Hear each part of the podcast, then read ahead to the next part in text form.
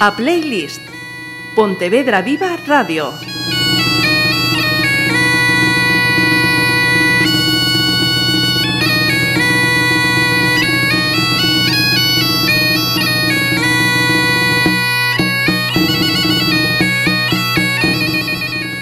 Saúdos, que tal? Imos coa playlist desta semana que ten un nome vencellado a música tradicional galega, a percusión galega. Andrés Vilán, benvido. Hola, moitas grazas. Andrés Vilán, de segundo apelido? Lorenzo. Lorenzo. Eh, alguén ten xa por aí alguna pista? Pois seguir escoitando. Onde naceu? En Arcade, no Concello de Soutomayor. E eh, fillo de? e Andrés Vilán tamén e, e Ana. Bon, re, realmente José Andrés e Ana María, pero eu creo que ninguén os coñece por, por ese nome, Andrés e Ana. Uh -huh. E hai máis irmáns? Sí, Patricia, un irmán máis. Ajá. Alguén xa ten a ficha completa? Porque a súa irmán, Patricia, tamén estivo facendo unha playlist aquí con nós. Ela adicada á política e ti adicado á música, música tradicional. Facemos eh, fincapé, entón, eh, falanos de, desa familia, eh, por que Souto Maior, eh, cando ven o momento de trasladarse a Pontevedra, por que? Bueno, igual me repito, porque xa conta a miña irmá, pero eh, os meus pais, os dous son de, de Arcade, uh -huh. eh, a familia polas dúas partes é, é de ali, e os, creo que cando tiña eu 4 ou 5 anos xa nos viñemos a, a vir para aquí, porque os meus pais tiñan destino, son profesor, eran profesores os dous, uh -huh eh, tiñan destino en, aquí en Pontevedra eh, e coincidiu que, bueno, eu xa empezaba a estudiar, non sei se en primeiro ou todavía en preescolar, ou creo que foi o último ano de preescolar, e, e xa nos trasladamos para, para Pontevedra. Eh, mira, a túa playlist por onde vai? Ten que ir a música tradicional, supoño, lóxicamente, pero Como organizaste esta, esta playlist? Sí, bueno, eh, hai unha, eu comecei tocando música tradicional, logo mm, pois me centrei máis, máis posiblemente no folk, e tirei un pouco por aí, eh, primeiro dos temas de, de música tradicional, case que por compromiso, porque porque son os dous percusionistas que tiven como referencia cando comecei a tocar, Ajá. un pouco como os dous ídolos.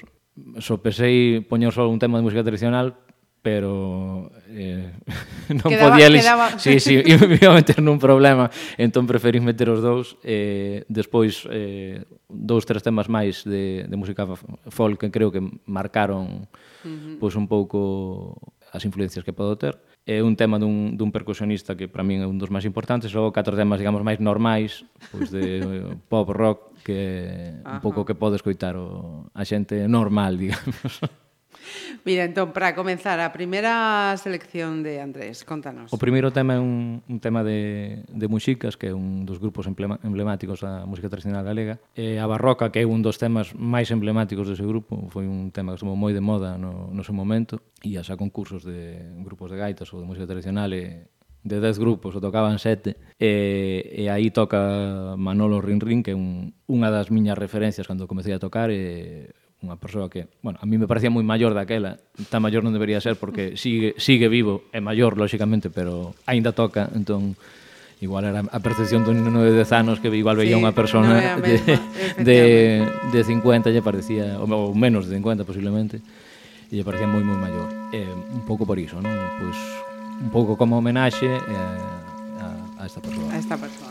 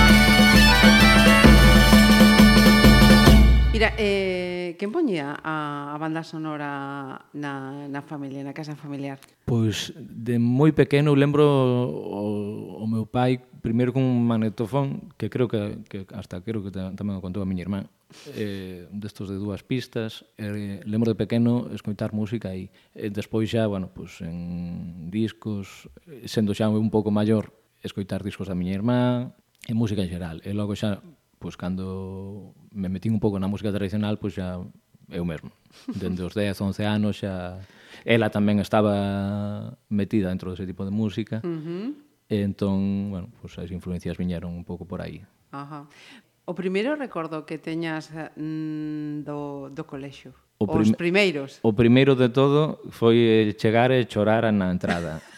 que foi, eu creo que no primeiro ano de preescolar. Pero o que quitando eso tampouco teño un especificamente uh -huh. aí que me traumatizase, non? Uh -huh. No, ou al revés, ¿no? Eh, bonitos recordos que uno sí. ten da, daqueles primeiros anos do, do colexo. Sí, o típico, os amigos, eh, pero tampouco nada mo, moi específico.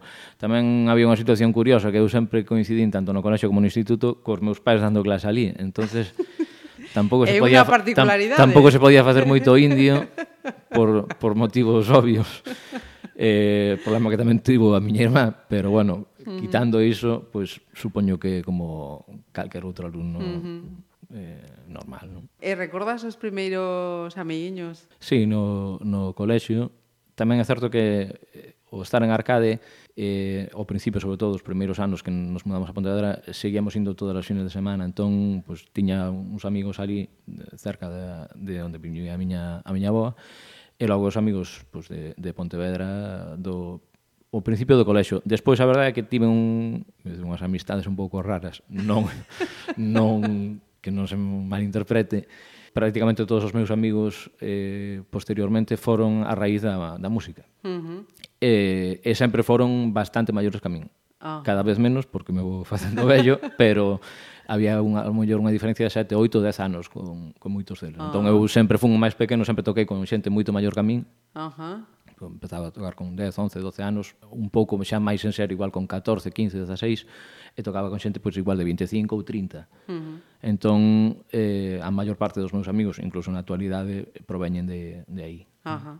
Mira, eh, se si poideras eh, recuperar algo da, da infancia, que sería? O tempo libre. non dubides ni un segundo. Sí, sí, sí. Imos coa, coa segunda selección, Andrés. Pois pues a segunda tamén é, é é un tema de música tradicional dun grupo moi moi coñecido, un pouco posterior a, a Muxicas, que é o grupo Noitarega, é un tema que se titula Baixando para Salgueira, tamén un dos temas máis coñecidos de, de que interpretaba este grupo. Uh -huh e, bueno, e que interpreta, que sigue en activo. E tamén outro dos percusionistas que me, pues, que me marcou, que é Manuel Alonso, e tamén por este motivo... Pues, están aquí, o sea. Están aquí.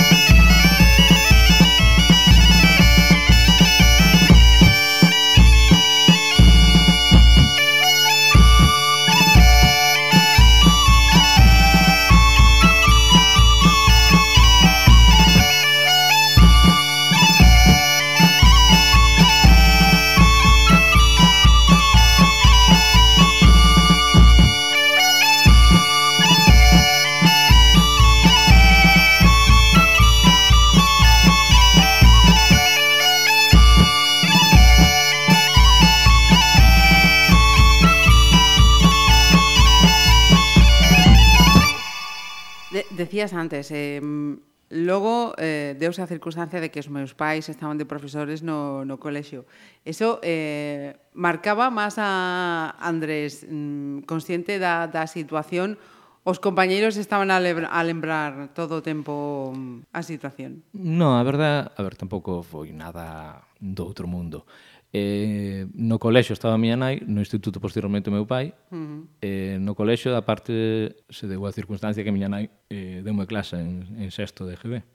O único problema é que se, se un día non estudiaba, o día seguinte mm, sacaba o encerado e me preguntaba. Entón, eso só me pasou unha vez, visto a, a represalia.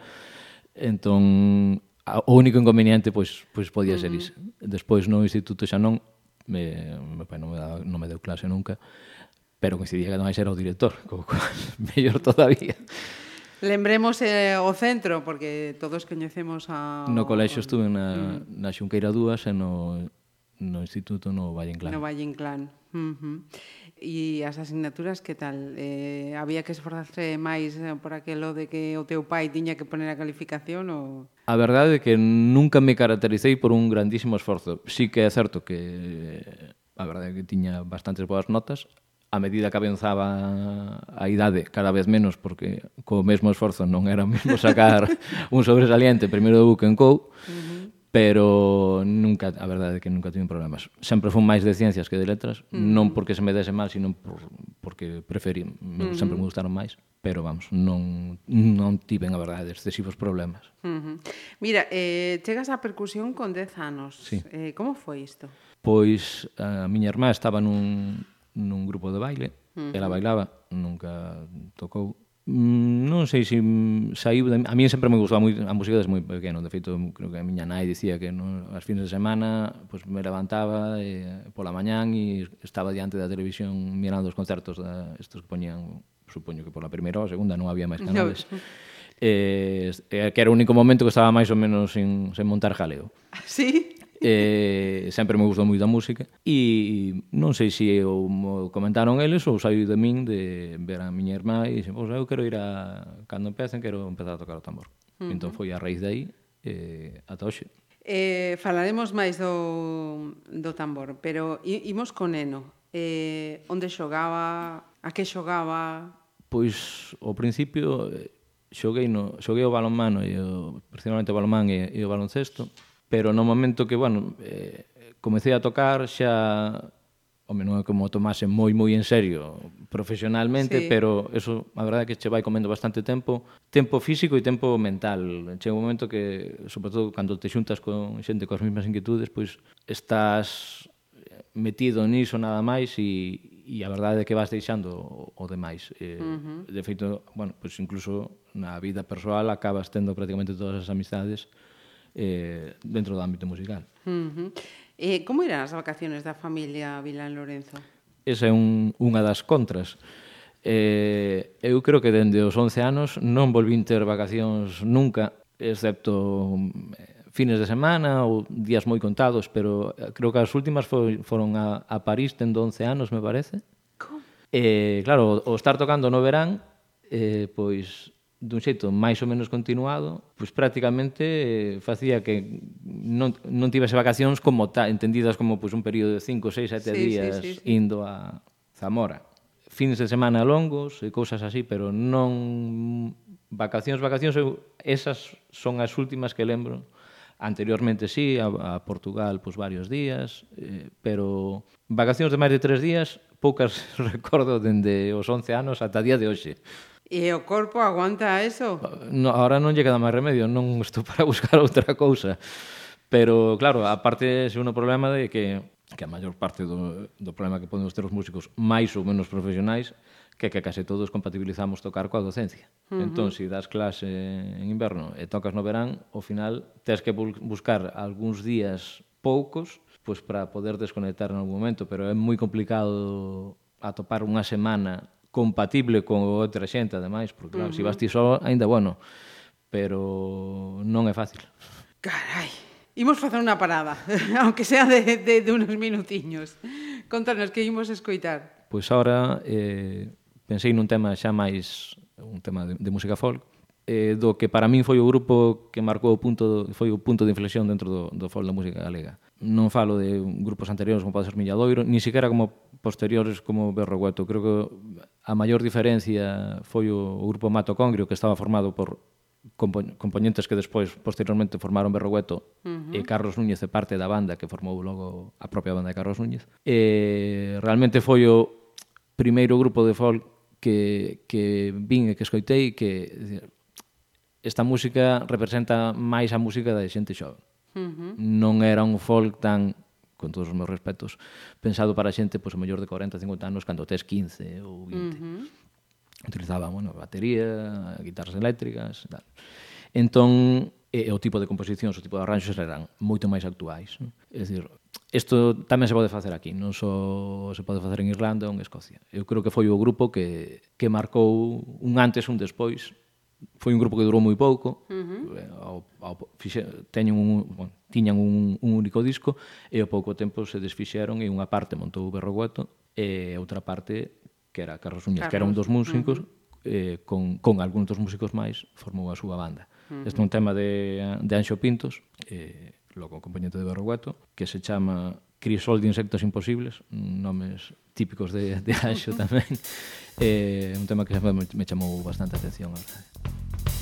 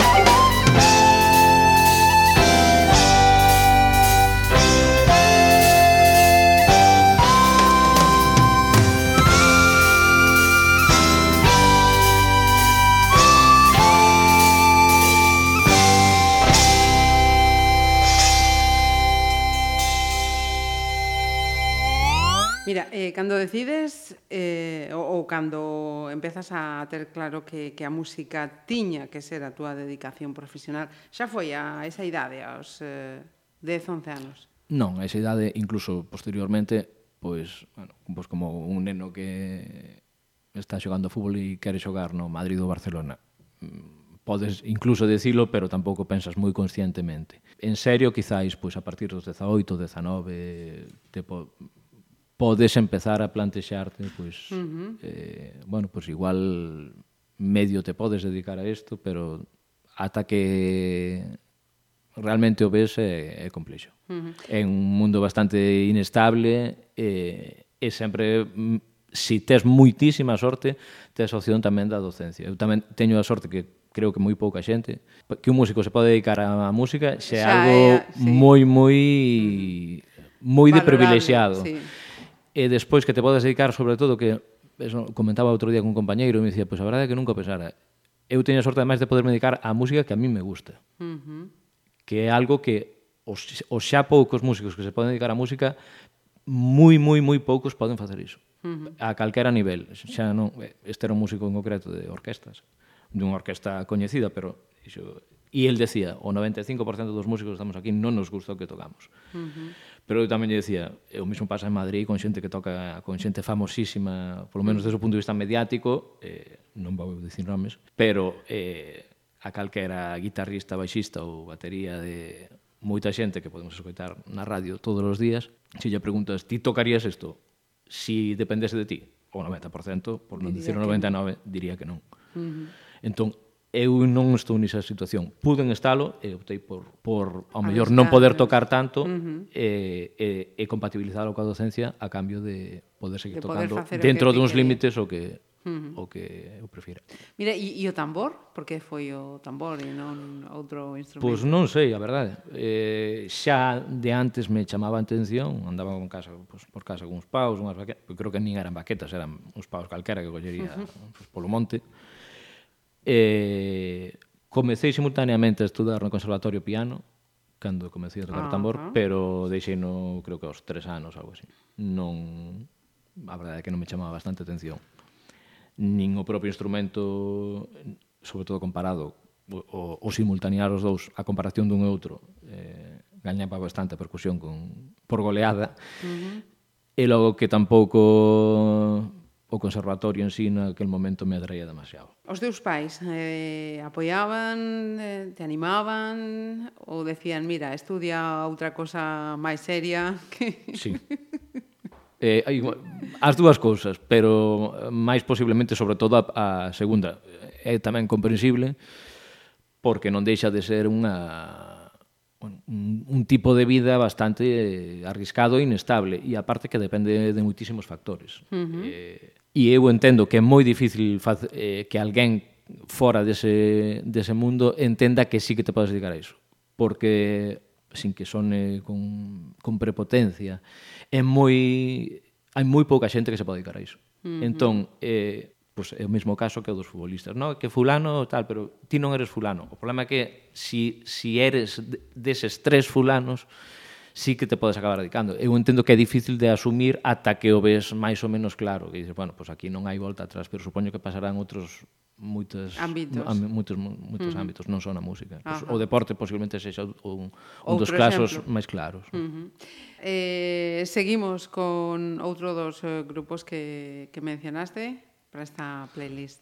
Si é un tema de, de Berro Hueto, que sería pues, o, o grupo seguinte, entre comillas, a, a Mato Congrio. Uh que para min foi pois, posible un do grupo máis importante que, que houve ata día de hoxe na, na música folk galega. Uh -huh. É un tema que se chama Fusco, do disco Viaxe por Urticaria, un tema composto por Kiko Comesaña, que logo tive a oportunidade de traballar con el, por, por outra parte. Que é outra das cousas... Non me quero liar moito antes de poner o tema. no, no, conta, eh, conta. Outra das cousas que, que acabas vendo pues, con, coa perspectiva de hoxe, que coa xente, a xente que tiñas como ídolos de pequenos, de escoitar discos, de, pues, de miralos en concertos, tal, acabas traballando con eles, e incluso que, que para eles sexa como un orgullo tocar contigo des, uh -huh. moi posteriormente, que te vexan como, como a inversa. Uh -huh. eh, pues, pues, supoño que facendo outra vez o símil futbolístico como un neno pues, que acaba xogando no Madrid ou no Barcelona uh -huh. ou no Atlético Madrid pues unha cousa parecida. E o caso, pois, por exemplo, de, de Kiko antes de Anxo, pois, é o, o que pasou, non?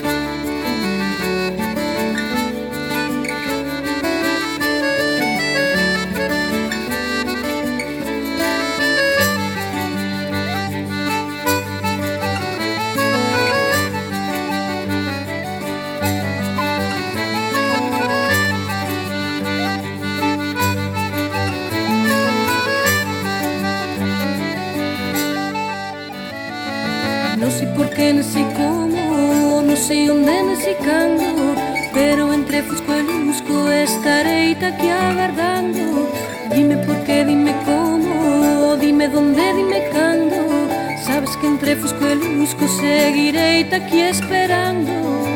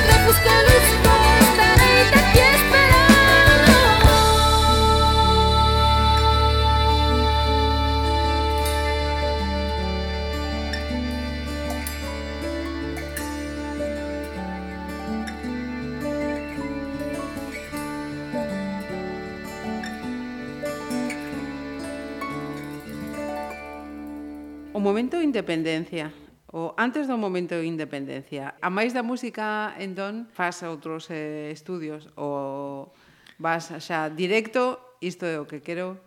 eh, ao acabar o instituto empecéi, xa estaba tocando, e foi posiblemente o período de non saber se si estudio algo relacionado coa música ou non. Decidín que non, creo que con bastante acerto, porque había moi poucas opcións, a verdade. A opción primeira era Magisterio Musical, que tiña totalmente descartado, porque realmente o sea, sei o que é eh, dar clase en sí. primaria por, por os pais. Por, por, exacto. E a verdade é que aínda que sone un pouco extraño, eh, está ma, a educación musical está máis relacionada coa educación xeral de, de primaria que coa música. Uh -huh. Entón, hai que ser máis mestre de primaria que mestre de música. E non era o que quería.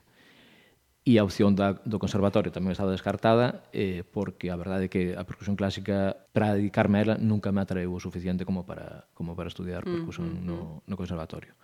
Entón estudiei algo que non tiña nada que ver a priori, que foi empresariais, fumo a Santiago, eh, xa estaba tocando e en Santiago tamén é onde me relacionei con máis músicos de, de, de folk principalmente, xente mm -hmm. de, de Berguato, por exemplo, Quinfariña, o, o Santiago Ribeiro, outra moita xente coa que empecé a traballar en parte por, por estar ali, e a partir de aí pois, foi onde empecé a tocar un pouco máis en serio, empecé a tocar con, con Pepe, chamoume Pepe Mamonde para a súa banda, uh eh, -huh. Pepe, Pepe Mamonde Grupo, e posteriormente con Mercedes Peón, e a partir de aí xa, pois, o, o da carreira empezou a ser máis secundario e a priorizar a música, ata que acabei deixando. Absorbido pola música. Sí.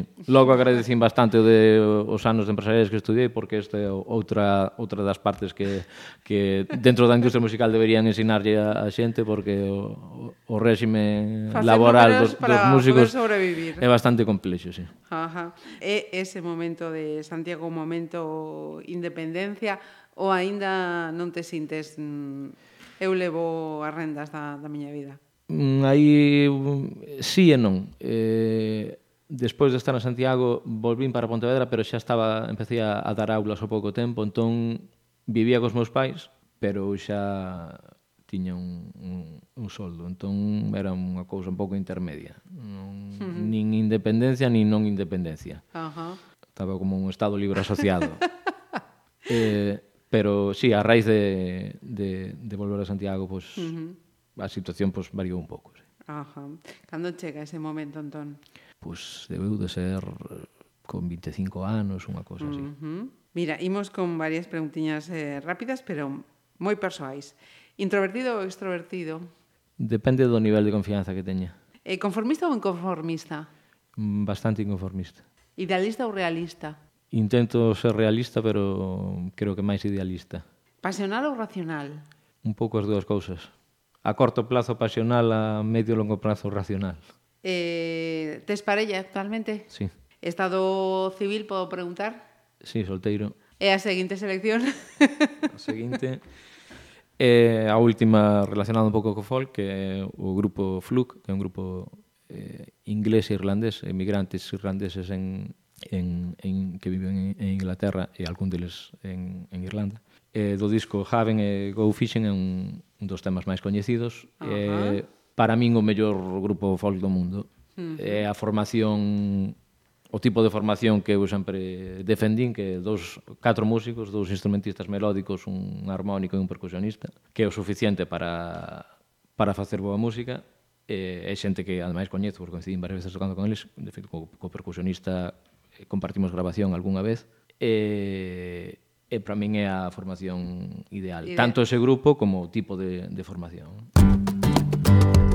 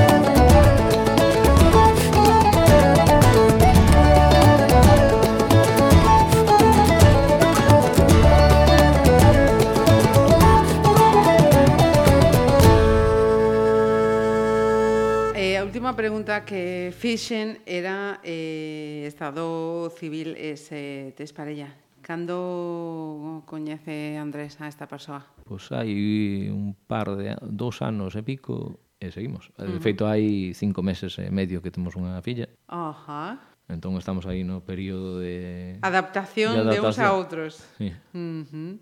No era boa, entón, por certo. Eh, lembras a primeira vez que subiste o escenario profesionalmente? Sí. Bueno, profesionalmente non.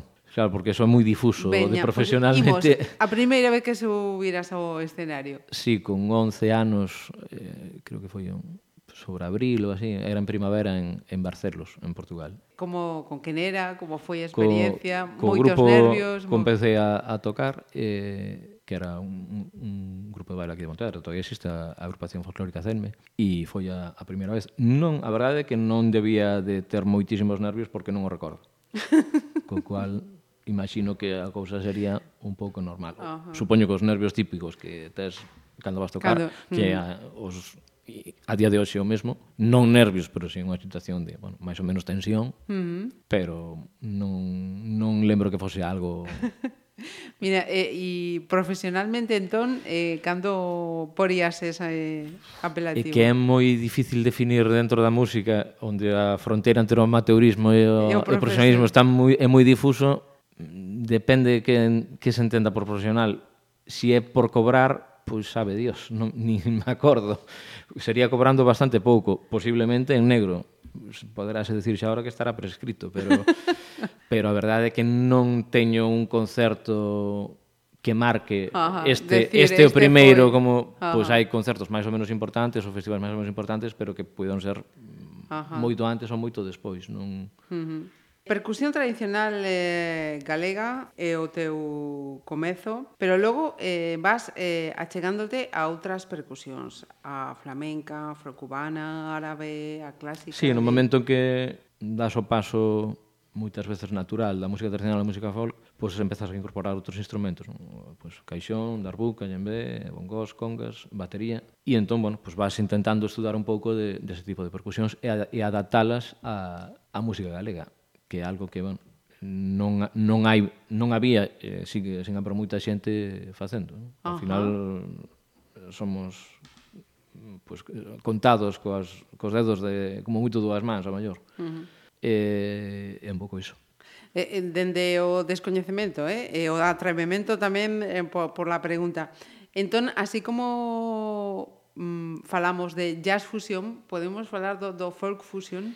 Sí, eh, realmente a música folk é, é unha modernización, entre comillas, da música tradicional. Utilizar eh, a música tradicional como base, principalmente os temas, eh, engadíndolle pois, instrumentos que non son tradicionais. Uh -huh. non?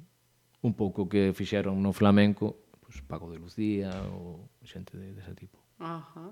Eh, eh, para esta formación, para adentrar neste, neste en Seidos, Onde busca, onde ten a formación, Andrés? Pois pues é principalmente autodidacta.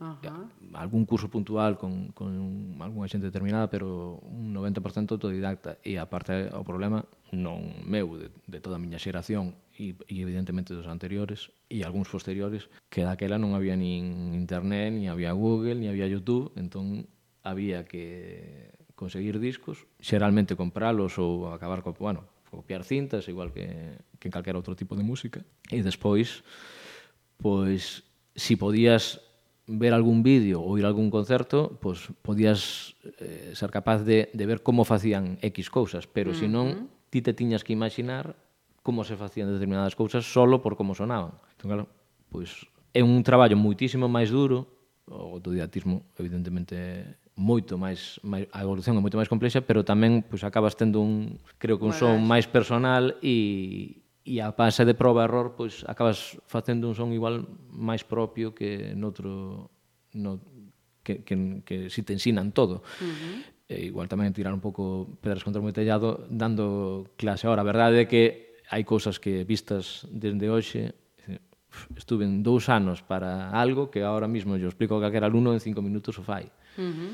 Eran os, os pros e os contras que tiña nese momento uh -huh. o ensino deste tipo de música. Prácticamente non, non había. Mira, como definiría un, un galego o, o duende flamenco? Pois a verdade é que non o sei. Tampouco me gustan demasiado e non me quero meter aquí en, en problemas territoriais. a, a elevación de determinados tipos de música con respecto a outros. Uh -huh. Pode pasar co flamenco ou, ou, ou sobre todo e principalmente coa música clásica ou co jazz. Eh, ainda hai pouco Pablo Paz, que vivo aquí sí. non hai moito, uh -huh creo que onte, antes de onte, puxo un comentario en Facebook, creo que foi, sobre un libro... Larguito, extenso, sí. pero moi ben explicado. Pois pues é unha sí. cosa parecida. Entón, eh, que para determinados tipos de música hai que ter máis sentimento para outros, uf, eso nos estamos metendo unhas fronteiras que... Uh -huh. que mo demostran. Eu vin moitísimos músicos de flamenco boísimos e moitos músicos de flamenco moi malos como en casi todos os estilos de música. Eu, aínda que sexa unha frase moi manida, só distingo dos tipos de música, a boa e a mala. Uh -huh. E escoito moitísimo do tipo de música. De feito, costoume isto non logo mirei a lista e a verdade é que pode representarme ou non, ou, ou, ou outras 70 diferentes. Efectivamente, e seguirían sendo eh, excepto casos moi puntuais de determinada música electrónica, música latina, moi pouca, e, e algún tipo de música clásica e pouco máis, prácticamente escoito calquera tipo de música. Entón, o do duende ou calquera tipo de, de expresión similar, chirriame un pouco. Uh -huh. Eh, Entre outras cousas, e non, te, non, sí, non sí, me por sí. interrumpir, eh, porque a mitad dos músicos flamencos coñecidos que non son guitarristas eran músicos que eh, proviñan de outros estilos que non tiñan nada que ver co flamenco. Uh -huh. O sea, meteros no flamenco porque facía falta percusionistas ou baixistas ou saxofonistas ou violinistas. Entón que, bueno, non é xente que, que mamase o flamenco dende a cuna, ni muitísimo menos. A seguinte selección non ten nada que ver co flamenco, advierto. No.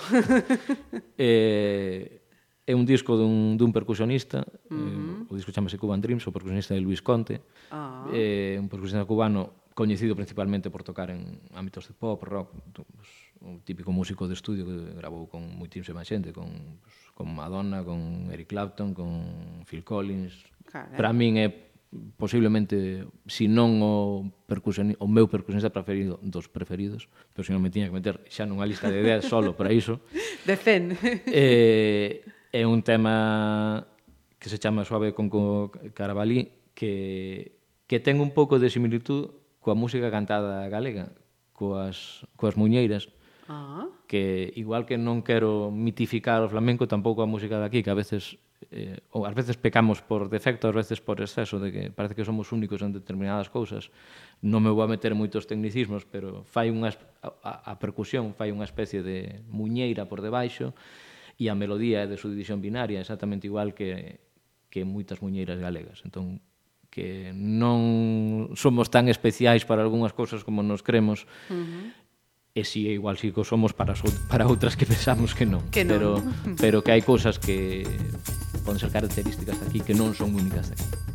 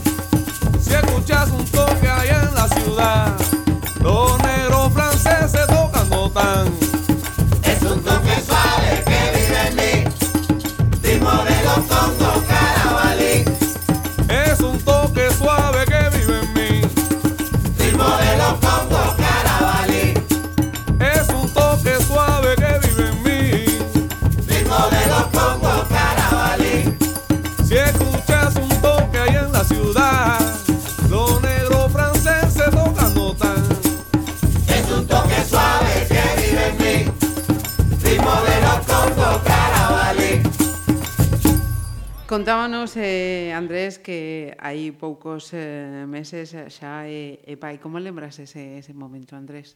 Pois moi bonito, a verdade. Eh, a verdade, ao principio, lóxicamente, con un pouco de medo, primeiro para que, bueno, pues que a nena veña ben e todo, e todo iso. Pero a verdade é que moi ben. Eh, non dá ningún problema, dormimos perfectamente, o sea, perfecto, no, de momento perfecto. Ajá. Eh, Mira, non preguntei polos nomes da, da Nai e da criatura. A Nai Tania e a, e a nena Aranza. Aranza. Aranza con Z só. E o nome? Contame. O nome hai, ven por dúas vías. Bueno, decisión da Nai, eso era innegociable, entón eh, evi intentei evitar problemas, ademais que evidentemente me gustaba. Aranza é un, un aldea do Concello de Sotomayor, pero non viña por aí a cousa. É un nome que sempre gustou a ela, eh, É como a versión galega, imagino, de Arancha que vende aí. Ah, Arancha, va. O... De Euskera. Sí. Ajá. Mira, eh, xa que falamos de nomes, eh, imos facer un oco eh, tamén para os apelidos, porque antes de comenzar esta grabación, Andrés eh, contaba algo de, de, do que pasa cos vilán. Con, contanos agora diante do, do micrófono. Sí, bueno, eso todo ben pensando que eu iba a ser meu pai. Efectivamente. A verdade é que é un apelido eh, pouco común, aquí, o sea, na, na provincia de Pontevedra, eh, hai, bueno, bastantes relativamente, principalmente no Concello de Sotomayor. Eu creo que miras, mirar unha vez en, en internet que hai máis vilán só no Concello de Sotomayor que no resto de España xunta. E, aparte, creo que están directa ou indirectamente eh, case todos emparentados. E, bueno, un pouco a historia iso, non? non é dos, un... dos vilán. Sí. Uh -huh. Tes eh, comentado xa neste tempo de, de charla a túa a dedicación a, a docencia. Impartes eh, clases de, de percusión en diferentes centros eh, educativos. Eu penso que os nenos ten que dar eh, anécdotas infinitas. Sí, sí. Eh, algunhas que os poden contar e outras que mellor que non, incluso que olvidar, pero sí, a verdade é que sí. Eh, uh -huh. Era algo que ao principio, eh, pues, a verdade é que era un pouco reacio. Eh, cando tes 20 e pico anos, eh, eu que ao principio só tocaba, tamén as situacións a situación do mercado e a situación persoal era diferente, con, pois, o mellor con 20 e pico anos pois, compartes piso e non tens moitas preocupacións e te podes centrar só en tocar. Logo, hai outras prioridades a partir de aí. Pero, independentemente deso, eh, ao principio tamén bueno, darlle eh, clase a xente que comeza ves un pouco como, ah, si hai xente que toca moi ben, sí, pero nenos ou adultos de, que sexa un nivel de iniciación, uh -huh. ao principio eres un pouco reacio. Eh, a verdade é que co tempo me fui presentando máis e, e a día de hoxe, xa dende hai moitos anos, a verdade é que a docencia me gusta moitísimo, uh -huh. eh, tanto a nivel moi baixo como a nivel moi alto. Quizáis o intermedio é o que menos me poda atraer, pero tamén é certo que é o que menos me dedico o nivel de iniciación ata nivel medio ou dai en masterclasses ou obradoiros a pues, uh -huh. de nivel xa máis máis alto. Máis alto. Falabas tamén en outro momento desta charla do, do magisterio musical e decías que non iba encaminado polo que de, debería ser. Eu entendí eso. Perdón. Sí, sí, sí. entón quería preguntarte, eh, está mal plantexada o achegamento da música aos nenos que penso que é un momento fundamental para que eles vexan ou intuyan a, as súas posibilidades con esta arte. Sí, bueno, realmente me refería a outra cousa que eh, o que comentas ti tamén. Me refería a que o que é o, o traballo en sí logo do, do dun profesor de, de música en primaria está máis relacionado a, ao ensino a nenos que non tanto ao ensino de, Específico. de música exacto. Era máis máis por iso non?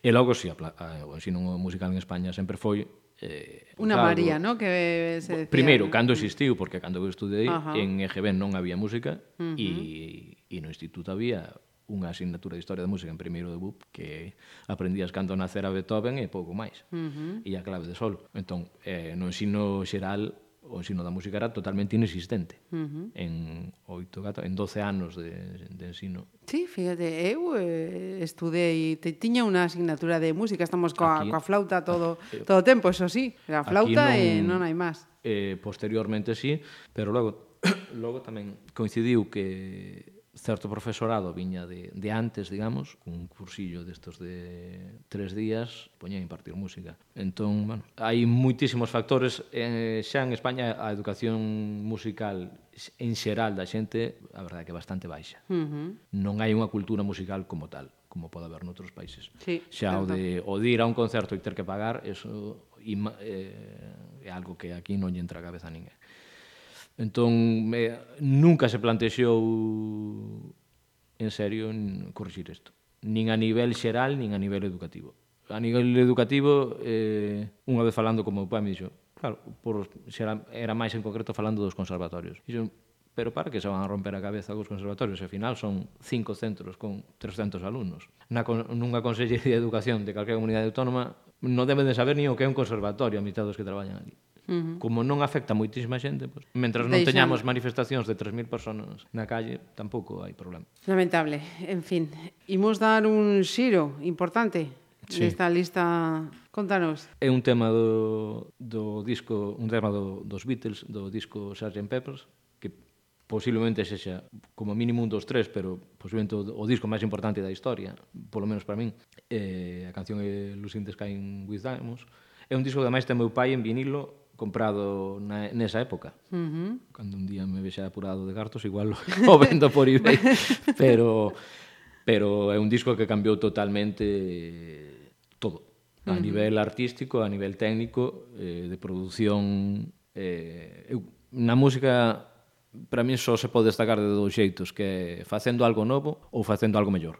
Uh -huh. eh, este caso é dúas cousas. Facer algo mellor eh, entre comillas, relativamente sinxelo, entre, moi, con moitas comillas, si traballas con músicos mellores. Eh, facer algo novo é moi, moi, moi difícil. Está prácticamente todo inventado e podes aportar algo novo de xeito puntual, pero este disco cambia todo totalmente de arriba a baixo, tanto a nivel artístico como a nivel técnico. Uh -huh. Tanto a nivel artístico por toda a xente que participa, a nivel técnico principalmente por George Martin e Geoff Emerick, os o produtor e o enxeñeiro do son, pero marca un antes e un despois na, na industria discográfica.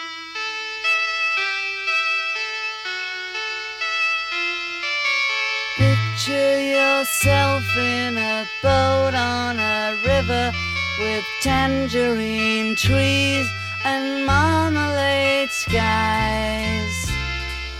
Somebody calls you, you answer quite slowly. A girl with kaleidoscope eyes.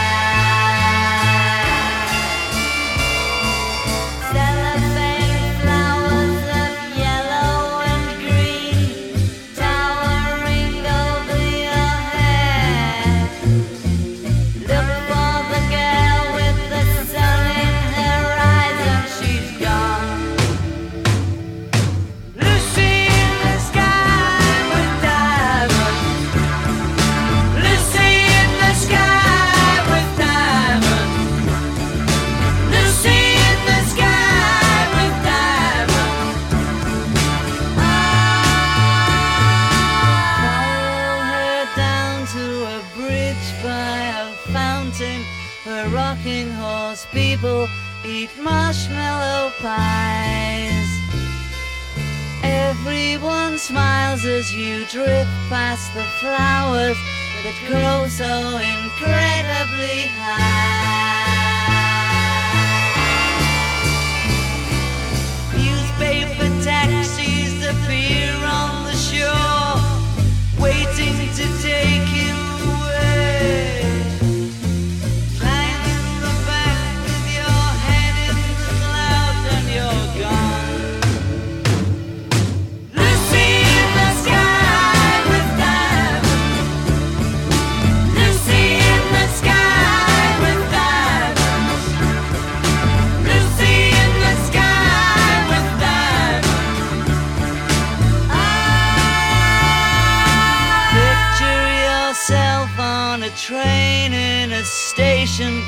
with plasticine pauses with looking glass ties.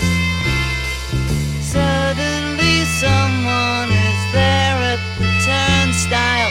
The girl with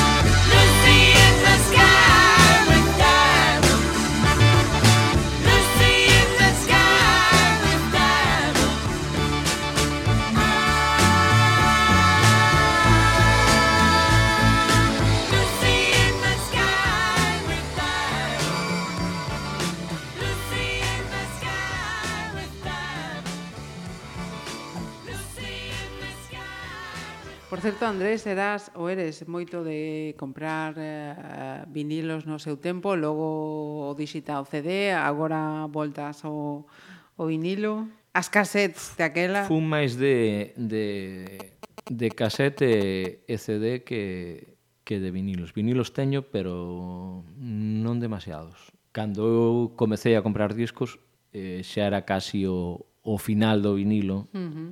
e, e comenzaba o CD. Entón, pois non sei, podo ter 15, 20 como moito vinilos, e xa me parece moito. Uh -huh. Falamos agora eh, da túa impronta na bibliografía.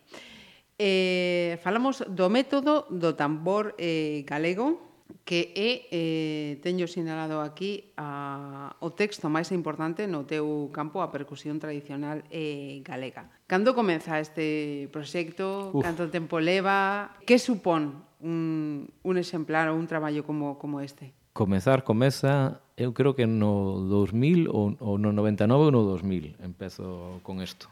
Pero os libros te, e, e un libro ou un disco se é un proxecto propio eh, un disco non tanto porque pode haber unha discográfica presionando eh, teño o problema de que non ninguén te pon data entón, pois, antepo, acabas antepoñendo todo a iso pois, eh, concertos, discos con outra xente, chámate non sei quen, clases, tal. ata que, bueno, hubo un momento hai dous, tres anos que, bueno, isto hai que facelo xa porque a xente me levaba insistindo non hai ningún método de tambor galego, tens que facer tal, tal, compañeiros, alumnos, outros músicos, é un pouco o querer facelo, máis non, máis deixar de aguantalos, pois se sumou, se sumou todo e tamén ao principio non sabíamos se facer só libro, máis adiante libro co, cos C de que había daquela. Ajá. Eh, despois si facer con libro con DVD, só DVD, eh, e acabou sendo un libro CD que si sei a día de hoxe que me ia a costar a cuarta parte, nin o empezo. Prefiro gravar 25 discos en tres meses antes que volver a facer outro libro. Uh -huh. Teño que estar moi apurado para, para facer... Para volver a... Sí. Mm. O, o segundo volume que xa me preguntaron unhas cantas veces vai esperar unhas cantas... Outra década. Unhas cantas décadas. Vamos. Mira, e eh, que, que supón eh, este, este método tambor galego fronte ao que se estaba a hacer hasta... É que non había nada. Non había nada? Claro, era, había que encher un, un oco de, pues, xa había métodos de gaita, dentro da música tradicional había xa varios métodos de gaita, pero de, en canto a percusión non había nada, nada é cero. Entón, Caray. ese tamén era outro dos problemas que tiña que ser un, que é unha cousa que tiven clara dentro do principio, tiña que empezar de cero. Feito, algúnha xente dixo, claro, pero que só chega ata un certo nivel. Claro que si, si empezo de cero e chego ata arriba, nos poñemos Necesito... un libro como un como Quijote e aparte que, primeiro, que tardaría sete anos en facelo, uh -huh e que teria que ter un precio altísimo, porque mm. si, claro, si, o traballo si, de de de Entón eh optamos por chegar a un nivel medio, mm. medio alto como moito, Uh -huh. empezando de cero, porque o que non tiña sentido era, ah, que hai cousas que faz ti que non aparecen no libro. Claro, porque non se pode non se podía chegar ata tan arriba. E o que tiña claro que tiña que o non haber nada antes non podía ser un, un método que comezase de un, de un nivel 4 se non hai nada de 0 a 4. Uh -huh. O sea, tiña que empezar polo máis básico que é o agarre das baquetas e o golpeo. Que é, por outra parte, onde veía eu máis carencias en, na xente. Eh, isto supone, entón, que Andrés eh, sinala eh, un xeito diferente? Non, non, non. Eh, foi unha sistematización do, do que eu creo que se debe facer. O sea, non Ajá. inventei nada. Ajá. O que fixen foi pois crear unha secuencia de aprendizaxe e definir uns certos conceptos de, de cousas que está ensinando outra moita xente. Non, uh -huh tería que poñerme a pensar, pero hai moi poucas cousas que podo decir, no, isto se me ocurriu a min. Bueno, de feito, que creo que ninguna. Todo existía, eh, simplemente eh, facer un método organizado de ensino de, Ajá. dos conceptos que xa hai. E, e hoxe en día eh, o libro está a ser a, a referencia didáctica. Están utilizando, de feito, eh, xa o deixei de anunciar hai tempo, porque xa estou en outras cousas, E o, o libro pues, leva máis ano e medio, creo. Sí, sí, máis ano e medio. Xa, xa, xa incluso leva máis dun ano versión digital. Pero ahora, no comezo do curso, eh, varios profesores eh, volveron Están a, a, a, encargar. a utilizarlo. Sí. Uh -huh. A utilizarlo xa antes había bastantes. Eh, e agora, pois, pues, recentemente estes días, non sei se 10 ou 12, eh, preguntaron por tanto a versión física como, como digital. Ah, Ai, sí, sei que o están utilizando, eh, moitos compañeros. Eh. Uh -huh. Imos eh, poñer un pouco de, de música neste momento, Andrés. Con que imos? Sí, cun grupo americano de, de rock que a verdade é que é un grupo co, co que me obcequei bastante na época do instituto eh, que se chama Spin Doctors tocaron en Pontevedra hai uns anos no, no Pazo da Cultura eu non pude ir creo que foi a parte bastante fracaso di moito da, da cultura musical do país porque creo que estaba pois, a media, uh -huh, media entrada, entrada. unha cosa así un grupo que sempre me chamou moito a atención, un grupo de músicos de Nova York, un grupo de rock, que escoitando eso, que, pues, eso cando estaba no instituto, pues, entre os 14 e os 18 anos, eu creo que cheguei a ter, se non todos os discos, casi todos os discos deles. A mitad deles tamén, eh, o de sempre, deixenos e que deixen eles. Pero sempre me chamou moito a atención, e aparte, unha cosa que sempre tamén me chamaba moito a atención, que en Estados Unidos, en Inglaterra, había moitísimos grupos formados por músicos, cousa que en España non pasaba. Uh -huh. Aquí os típicos grupos eran, pois, nos xuntamos no instituto, catro amigos e aprendemos a tocar. E os grupos dese tipo son xente que xa sabe tocar, que son músicos e forman un grupo. Entón, o resultado evidentemente non é, moi diferente. Uh -huh. Eh, aínda a día de hoxe, si vemos o panorama pop ou rock en España, xa sin meternos en gustos persoais, a xente que é máis ou menos coñecida eh, adotan ser solistas con músicos profesionais. Non hai moitos grupos e os, e os poucos grupos que hai tampouco son especialmente talentosos. Uh -huh. Non son grupos de músicos, xeralmente. Uh -huh. Son grupos de amigos ou ben o cantante de turno ou a cantante de turno con músicos, músicos, pero que son músicos mercenarios, como popularmente se coñece, uh -huh. que hoxe pode tocar con Melendi, mañán co Bisbal ou pasa mañán con Miguel Bosé. Ajá. Uh -huh.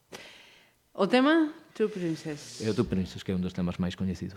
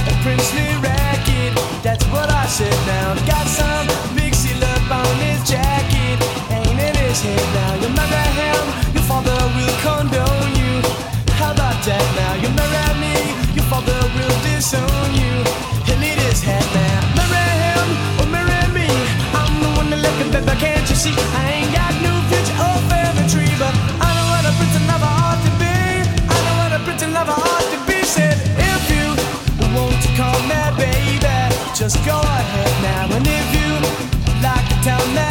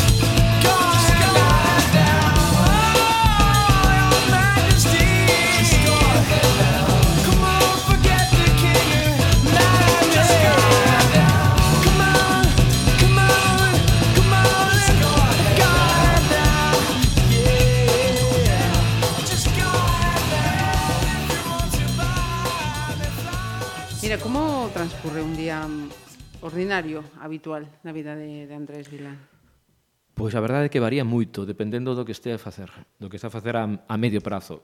Cando, por exemplo, foi o do libro, eh, parecía que estaba preparando unha oposición a abogado do Estado. eh, porque era acostarme ás 8 da mañán, eh, levantarme para comer e ir a dar clase. Estar toda a noite co do libro. Eh, a verdade é que eu sempre traballei moito mellor, sabe, evidentemente que teña que tocar, que non son horas. Sempre traballei moito mellor de noite de que no de día. Uh -huh que todo o que teño que facer que non implique un certo ruido, intento facelo de noite. Eh, pues, arranxos para discos ou partituras ou calquer outra cousa dese tipo, o mesmo libro, uh -huh. prefiro traballar de noite. Eh, entón depende de se si estou nunha etapa dese de tipo, pois eh, suelo traballar de noite e eh, non intento non ter que madrugar porque uh -huh. pola, porque clases prácticamente sempre son polas tardes. Uh -huh. Eh, e entón esa sería un pouco a vida con traballo potente e cando non hai eso, pois levo unha vida un pouco máis normal, cun horario máis ou menos normal, pero sempre da, ou dando aulas pola tarde ou se no verán, pois principalmente tocando. Uh -huh. Que é máis eh, complicado? Eh, concursar en un certamen ou ser membro dun xurado? Pois, a verdade é que creo que concursar. Eh?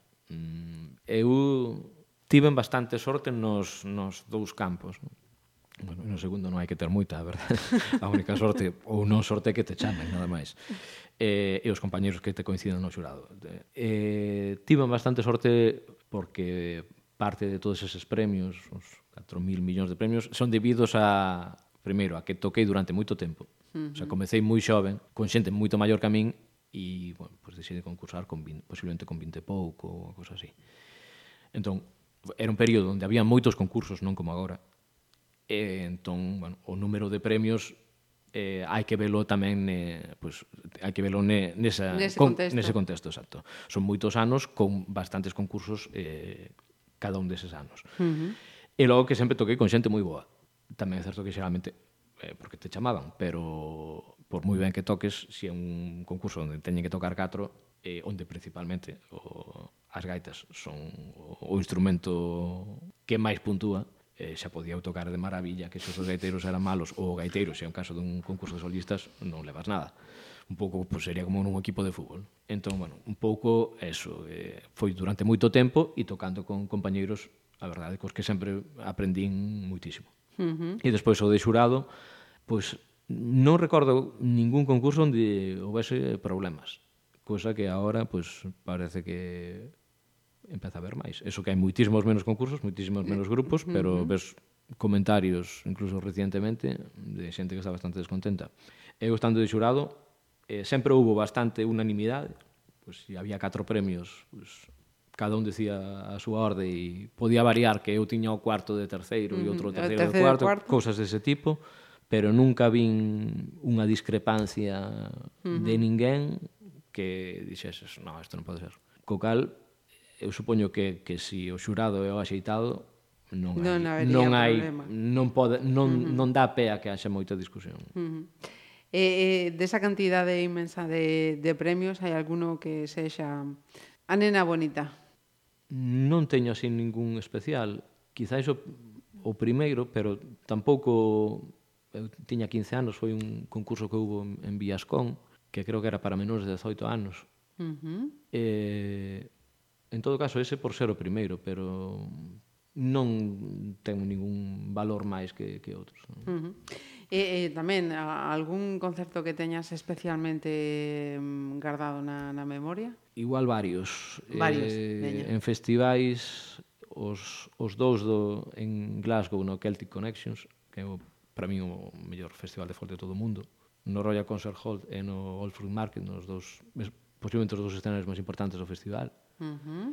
Nun deles No, eso foi en Bélxica. Ese era outro que decir. Eh, no Foldranauter en Bélxica, que compartíamos escenario, eu tocaba aquela con Mercedes Peón, e tocábamos nese escenario a Buenavista Social Club, Ajá. Patti Smith, sí e alguén máis que non, non lembro. Un era, un, non sei se era Pat Smith despois, e economista social antes ou a inversa. Eh, posiblemente eses dous sexan os, os festivais máis potentes nos que toquei. Despois, bueno, os típicos de Festival del Intercético do Lorien ou Ortigueira en Galicia, pero quizáis eses son máis igual que xa foi moitas veces, un problema de edade tamén. eh, pero eses dous quizáis a nivel organizativo e eh, -huh. e, de, e do resto de artistas o festival o Celtic Connections en Glasgow é festival de tres semanas que cada día tes cinco ou seis concertos de nivel mundial pagando e está todo cheo uh -huh. entón eu creo que O sea, para min é, sin dúbida, o mellor festival do mundo eh, no, dentro da música folk. Ajá. Eh, penúltima selección, contame, que fai aquí este home? Uf, este... así como dentro da música tradicional ou dentro dos percusionistas podría ter cinco listas, Eh, a verdade é que me levou facer a lista, pois pues, non sei, igual unha hora. Entendo. Eh, unha hora, e os nove temas, excepto este. Con, co de Joaquín Sabina, que é o seguinte, debindo estar tres ou catro horas, e, e sigo sin estar convencido.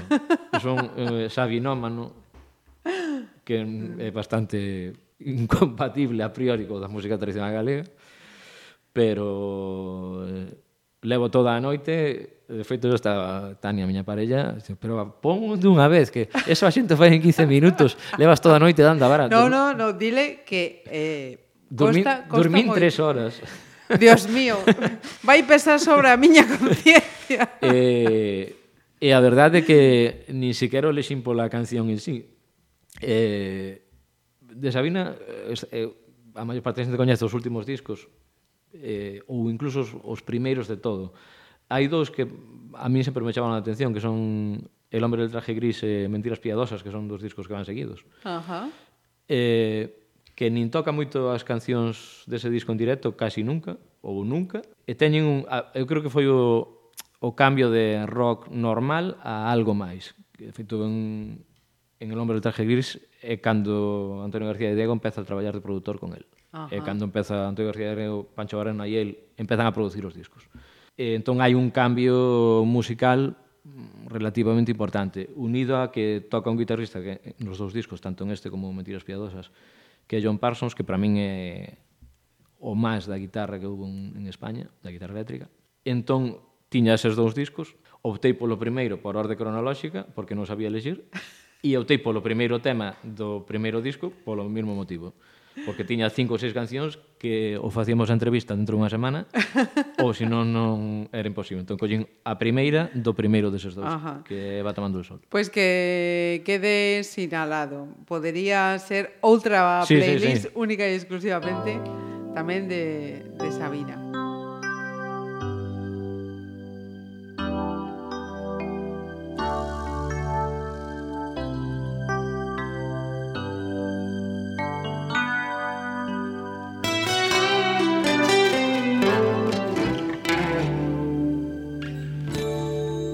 Todo empezó cuando aquella serpiente me trajo una manzana y dijo prueba. Yo me llamaba Adán, seguramente tú te llamabas Eva. Vivíamos de squatters en un piso abandonado de Moratalaz. Si no has estado allí, no has visto el paraíso terrenal. Cogimos un colchón de una basura, dos sillas y una mesa con tres patas. Mientras yo emborronaba partituras, tú freías las patatas. Plantamos cañamones de Ketama y un tiesto nos creció ante el ventana con una rama de árbol de la ciencia del bien y del mal. A Eva le gustaba estar morena y se tumbaba cada tarde al sol. Nadie vio nunca una sirena tan desnuda en un balcón. Pronto en cada ventana hubo un marido a la hora en que montaba el show mi chica. Aunque la tele diera en diferido el Real Madrid Benfica. La víbora del entresuelo en trance a su consorte sorprendió. Formó un revuelo y telefoneó al 092. Y como no teníamos apellidos, ni hojas de parra, ni un tío concejal, ni más Dios que Cupido, no sirvió de nada protestar.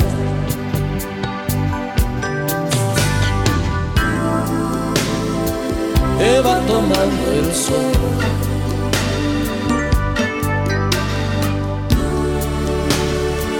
Bendito descontrol.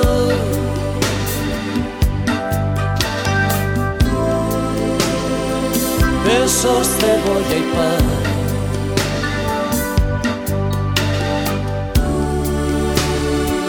¿Qué más quieres Adán?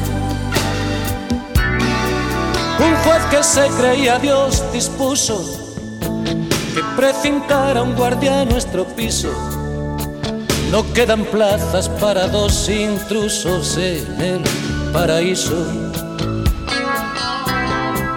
Estábamos sobre el colchón desnudos, jugando a nuestro juego favorito. Al ver entrar la pasma, Eva no pudo sofocar un grito. A golpes la bajó por la escalera, un ángel disfrazado de alguacil, sin importarle un pijo que estuviera en cinta de Caín. Hoy Eva vende en un supermercado manzanas del pecado original. Yo canto en la calle preciados, todos me llaman Adán.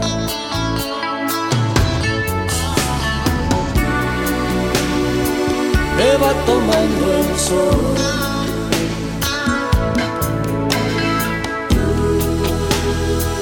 Bendito descontrol.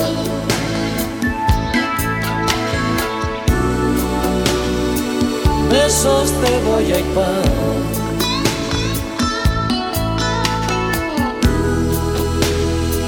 ¿Qué más quieres, Adán?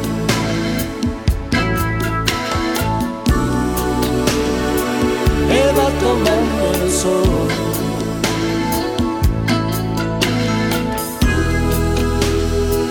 Bendito descontrol.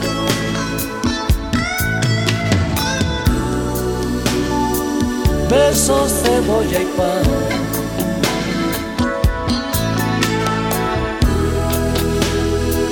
¿Qué más quieres saber?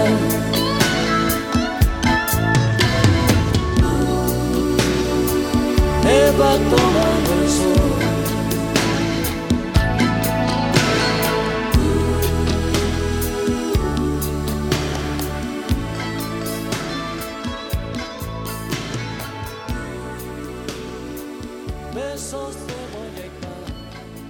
Fixen eh, hai un ratiño unha pregunta eh, sobre mm, como definiría un galego o, o duende flamenco. Mm, e agora pregunto, o ritmo se ten ou sacada? Uf, aquí vou a tirar. É que eu son bastante políticamente incorrecto. Vou a tirar bast... tamén pedras contra o meu tellado. Evidentemente, eh, hai xente que ten máis sentido do ritmo, xente que ten menos, igual que oído, ou igual que tes habilidade para desmontar o motor dun coche, ou para estudiar dereito, ou para ser astronauta. Uh -huh. Eso non quere dicir que, que, que non todo o mundo poda tocar. A, ata un certo nivel... Eh, quitando excepcións moi contadas, pois calquera con mínimo traballo pode tocar decentemente. E, lógicamente, pois eso, hai xente pois, con máis habilidades para facer certa cosa e para menos, xente con máis sentido do ritmo e xente con menos, pero todo se pode educar dentro dos límites. Eh, hai moi pouca xente moi moi por arriba e moi pouca xente, por sorte para os que damos clase, moi moi por abaixo. Uh -huh. A imensa maioría da xente está nese rango medio onde case influye máis o traballo que o, que o talento. Pensando eh, nesas eh, tradicións deste país no que o tambor sexa protagonista, tes estado alguna vez na rompida da hora de Calanda, na tamborrada de Donosti? Eh, personalmente non. Eh, Ambinas, eh, eh, e coñezo xente dali, pero nunca, nunca estiven personalmente ninguna das, das dúas. Uh -huh. Pero, bueno, son tradicións en certa medida pois, similares a que pode haber aquí na zona de Ourense eh, os tambores de entroido, ou as treboadas de, do Baixo uh -huh. Miño en, en, na zona de Tomiño, eh, no norte de Portugal, os Espereiras.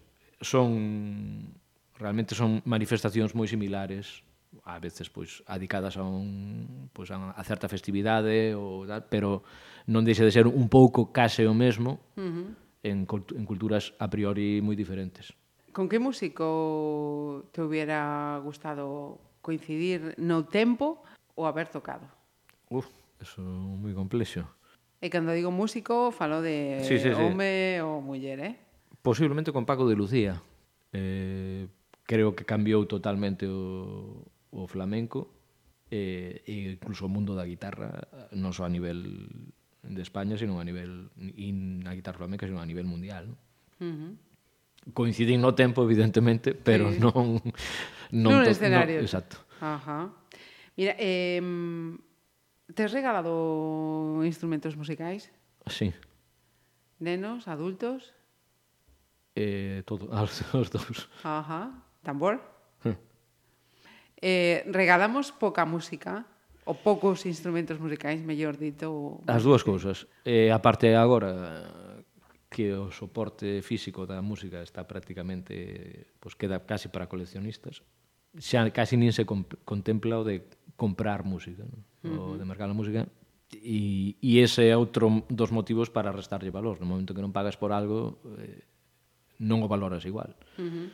Entón é complicado. O dos instrumentos, bueno, eh, aí tampouco tampouco estou tan tan de acordo. Eh, non é estritamente necesario que unha persoa saiba tocar un instrumento para poder valorar ou apreciar a música como como espectador. Uh -huh. Incluso o ensino musical dentro do ensino xeral podría estar máis enfocado tamén a iso. Eh, algún compañero meu eh, que, que é músico e eh, tamén é, é profesor de, de música, neste caso en secundaria, eh, comentaba iso, que igual tiña que estar a educación musical dentro do ensino xeral máis pensada para que o alumno dis, aprenda a disfrutar da música que non que este cunha flauta dous anos que non vale absolutamente para nada a verdade é que non ten ningún tipo de atractivo ni ningún tipo de sentido que este un neno seis anos cunha flauta dando coñazo unha flauta cada máis costa medio euro que, aínda que fose un auténtico virtuoso, seguiría sonando fatal esa flauta. Entón, igual habría que redefinir que que había que que habría que enseñar, uh -huh. ensinar no, no ensino xeral uh -huh. en relación á música. Sen dúbida. Mira, eh, tamén eh, asinalado nesta charla, eh, falando de, de músicos eh, para destacar que teñen que facer algo, un, algo novo ou algo mellor, non? Mm. Eh, neste momento, mm, poderías dar eh, algún nome de algún músico que faga algo novo ou algo mellor? Uf. Decías que hai poucos, poucos. Pois a verdade é que agora non se me ven ninguna cabeza. Eh, se me ven algún que están dicindo que... ou alguna... Alguna, estamos que, pensando creo que na mesma. Eh, E, bueno, non... Primeiro, que non é cuestión de criticar a xente por criticar, e logo que, bueno, no, dentro da música, sobre todo comercial, hai moitos máis factores que o musical, uh -huh. eh, moitos máis intereses, e logo que pode eh, a xente, pois, o público xeral, eh, parecerlle novedoso certas cousas que igual xa se fixeron hai 20 anos. Eh... Falamos da Rosalía, falamos, sí. claro, falamos da Rosalía, para que nadie se eh, perda. Eh, un exemplo como mm. outro calquera, eh? non nin a coñezo, nin teño uh -huh. sí, sí. ningún problema persoal con ela. Eh, pero eu hai cousas que están dicindo que se descubriu isto, está facendo isto, isto. Home, eh, hai un grupo que, que era Ojos de Brujo, eh, que xa facía cousas similares de misturar flamenco con música electrónica hai 20 anos. E máis, eu coincidín tocando con eles, en, creo que en Barcelona, no uh -huh. 2001 ou 2002, ou cousas que xa facía Mala Rodríguez ou 50.000 máis. Entón, eh, eu non lle quito valor o que fai, nin é envidia, ni muitísimo menos, pero que tampouco é ese pode falsear certas cousas dicindo, pois, fulanito inventou non sei que, non, eso xa onde vai que se fixo, comparar eh, a Rosalía con Camarón ou con Paco Lucía como se fixo en algún momento, home, hai que ser bastante atrevido. Uh -huh. con todos os meus respetos para, sí, sí. para o caso Rosalía, que me, que me parece moi ben, hai temas que me parecen moi interesantes, que sobre todo en cuestións de, de tipos de son, pois igual máis de produción, pois sí que me poden parecer mm, máis ou menos novedosos, como outros moitos máis. Pero en canto á fusión pois, de patróns de bulería con tal, non porque xa se leva feito eso dende hai moito tempo. Mira, eh, para rematar esta charla cunha cuestión personal, estamos no mes de outubro, que ten que facer o que lle gustaría facer a Andrés eh, o, antes de que remate este 2019? Pois pues estou aí cun proxecto do que non podo falar, que tamén Estes músicos. tamén é algo, o sea, a execución foi algo así un pouco inminente Ajá. porque había que facelo xa dunha vez, pero tamén é algo co que levo 10, 15 anos uh -huh. con isto na cabeza, con con algúns compañeiros. E a ver, a ver se si sae para antes de este ano, non? O sea, antes de que remate o ano, non? Pero eh, esperemos que para comezos do, do, do seguinte, 2020. Sí. Uh -huh. Pois eh, Andrés Vilán Lorenzo, moitísimas grazas por compartir este tempo. E perdón por ese tempo roubado Nada. para cadar esta, esta playlist. moitísimas grazas. Con que rematamos, por certo, xa esquecía. Sí, cun tema dunha cantante portuguesa. Eh, xa hai uns anos que por aulas e por tocar as dúas cousas estou traballando bastante en Portugal. Eh, a verdade é que se, non se coñece moito a música portuguesa quitando a Amalia Rodríguez e tal, sino unha música portuguesa actual en, en, en España en xeral, pero ni siquiera en Galicia. Pero tamén, igual que non se coñece casi ningún tipo de música que non sexa, falo de música principalmente comercial, que non sexa ou de Estados Unidos ou de Inglaterra. É unha cantante que xa hai anos que me leva chamando a atención, que é Ana Moura, e ademais que ten uns músicos boísimos, unha banda máis ou menos fixa de principalmente o guitarrista Ángelo Freire, que toca a guitarra portuguesa, e, e o batería Mario Costa, que Ademais, comparte, instrumento, comparte marca de instrumentos portugueses, de instrumentos portugueses comigo. Uh -huh.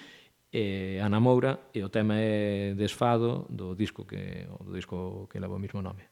Ajá. a poder ser a versión de, en directo en vivo. que está que está no mismo disco hai as dúas versións, a de estudio e a, e a de directo. O dito, Andrés, moitísimas grazas. No, gracias a ti, Marisa.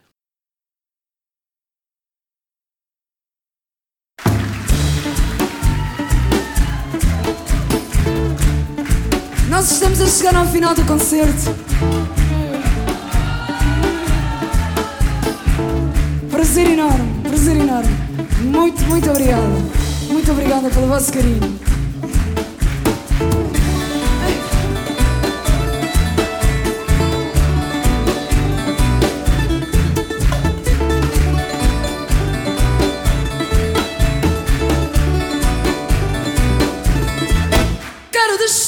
Que eu não creia no destino. E o meu fado era inteiro fado nenhum. Cantado bem, sem sequer o ter sentido. Sentido como ninguém, mas não ter sentido algum. Ai que tristeza esta minha alegria. Ai que alegria esta tão grande tristeza. Esperar que um dia eu não espere mais um dia por aquele que nunca vem e que aqui esteve presente. Que saudade que eu tenho de ter saudade, saudades de ter alguém que aqui está e não existe. Sinto-me triste só por me sentir tão bem, alegre, sentir-me bem, só por eu andar tão triste.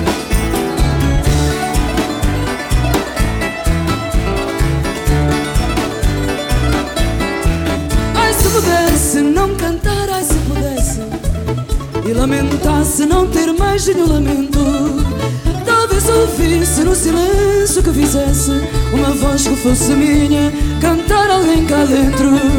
Ai que desgraça esta sorte que me assiste. Ai mas que sorte eu viver tão desgraçada. Nem certeza que nada mais certo existe Além da grande certeza de não estar certo de nada. Ai que saudade que eu tenho de ter saudade Saudades de ter alguém que aqui está e não existe